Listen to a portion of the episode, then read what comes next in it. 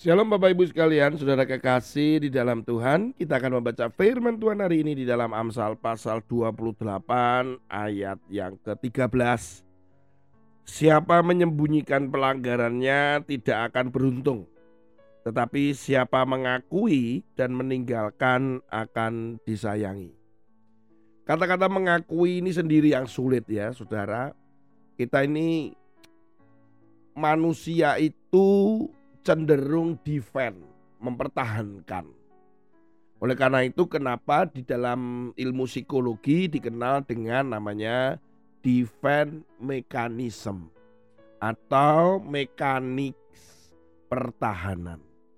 Orang yang ditanya, orang yang diinterview, orang yang ya itu akhirnya berusaha untuk menghindar apabila resikonya besar terhadap dirinya.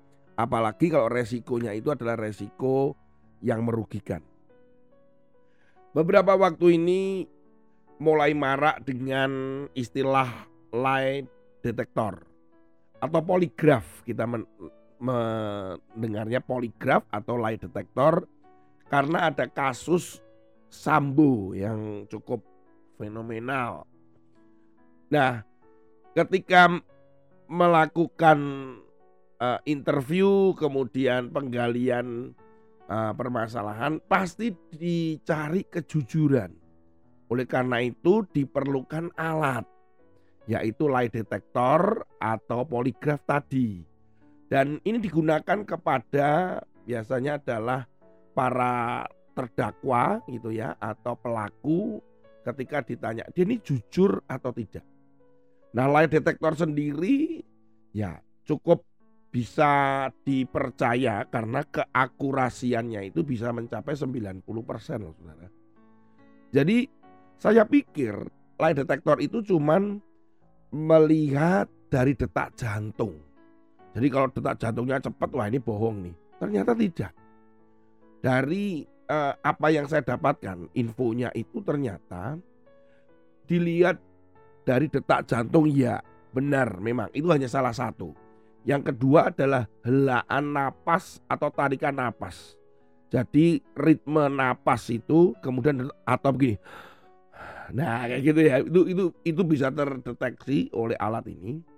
Kemudian ketiga itu melalui reaksi yang mendadak pada kulit.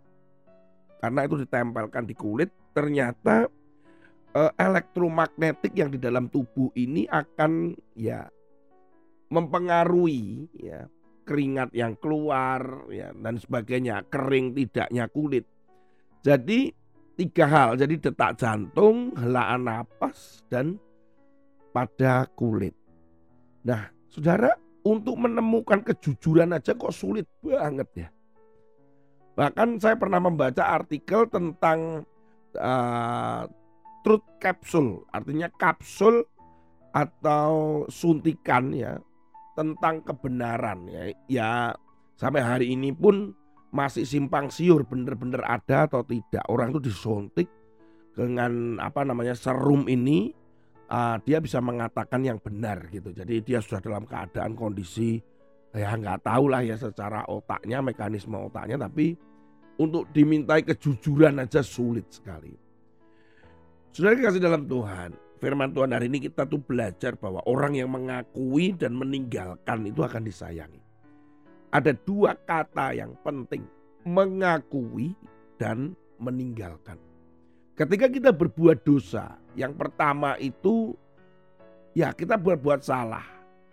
Pada siapa sajalah, kepada pimpinan, kepada teman, sahabat, saudara, orang tua, termasuk anak kalau kita itu berbuat salah, yang pertama itu berani mengakui. Apalagi di hadapan Tuhan, itu lebih memalukan sekali. Kita tidak mengakui sementara Tuhan tahu apa yang kita perbuat. Nah itu lebih memalukan. Malu dong, tahu kalau kita mencuri atau tahu kita itu korupsi, tahu kita itu ah, berpikiran jahat karena hanya Tuhan yang tahu isi pikiran kita. Kemudian kita membohongi Tuhan, gak gitulah Tuhan. Wah Saudara konyol juga. Kita tapi juga nggak bisa begini. Ah, Tuhan kan tahu nggak perlu ngomong lah. Sebenarnya pengakuan dengan kita ngomong di hadapan Tuhan itu bukti bahwa kita itu bukti menyesali sebenarnya. Keberanian menyesali dan tidak mau mengulang lagi. Kata-katanya adalah mengakui dan meninggalkan. Dua kata ini yang kita harus hati-hati. Ketika saudara mengakui kesalahan saudara, berjanjilah untuk meninggalkan atau tidak mengulangi lagi hal itu. Saudara mengkhianati ya setelah itu saudara akui di hadapan orang yang saudara cintai atau orang di mana saudara loyal di perusahaan karena saudara menggunakan uang perusahaan misal. Ya kemudian dikatakan apa?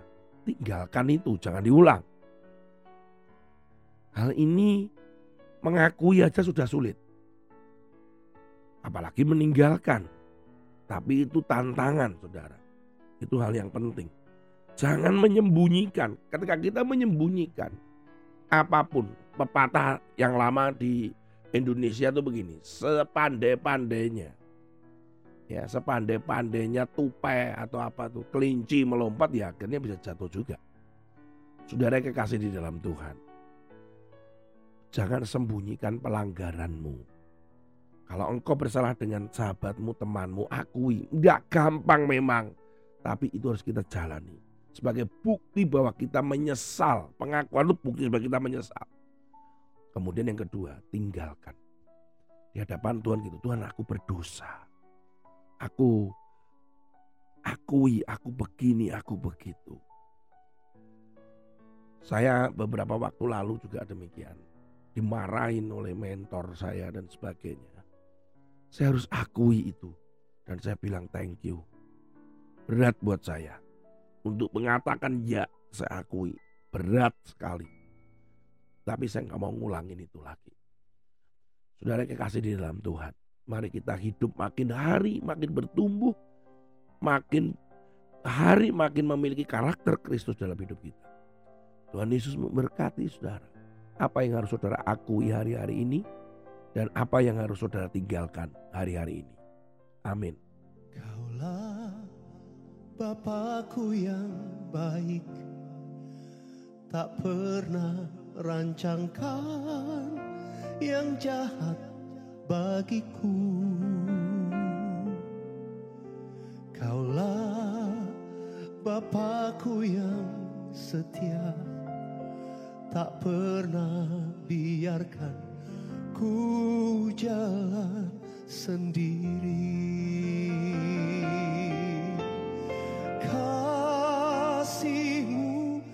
bagai embun yang turun tiap pagi selalu baru bagiku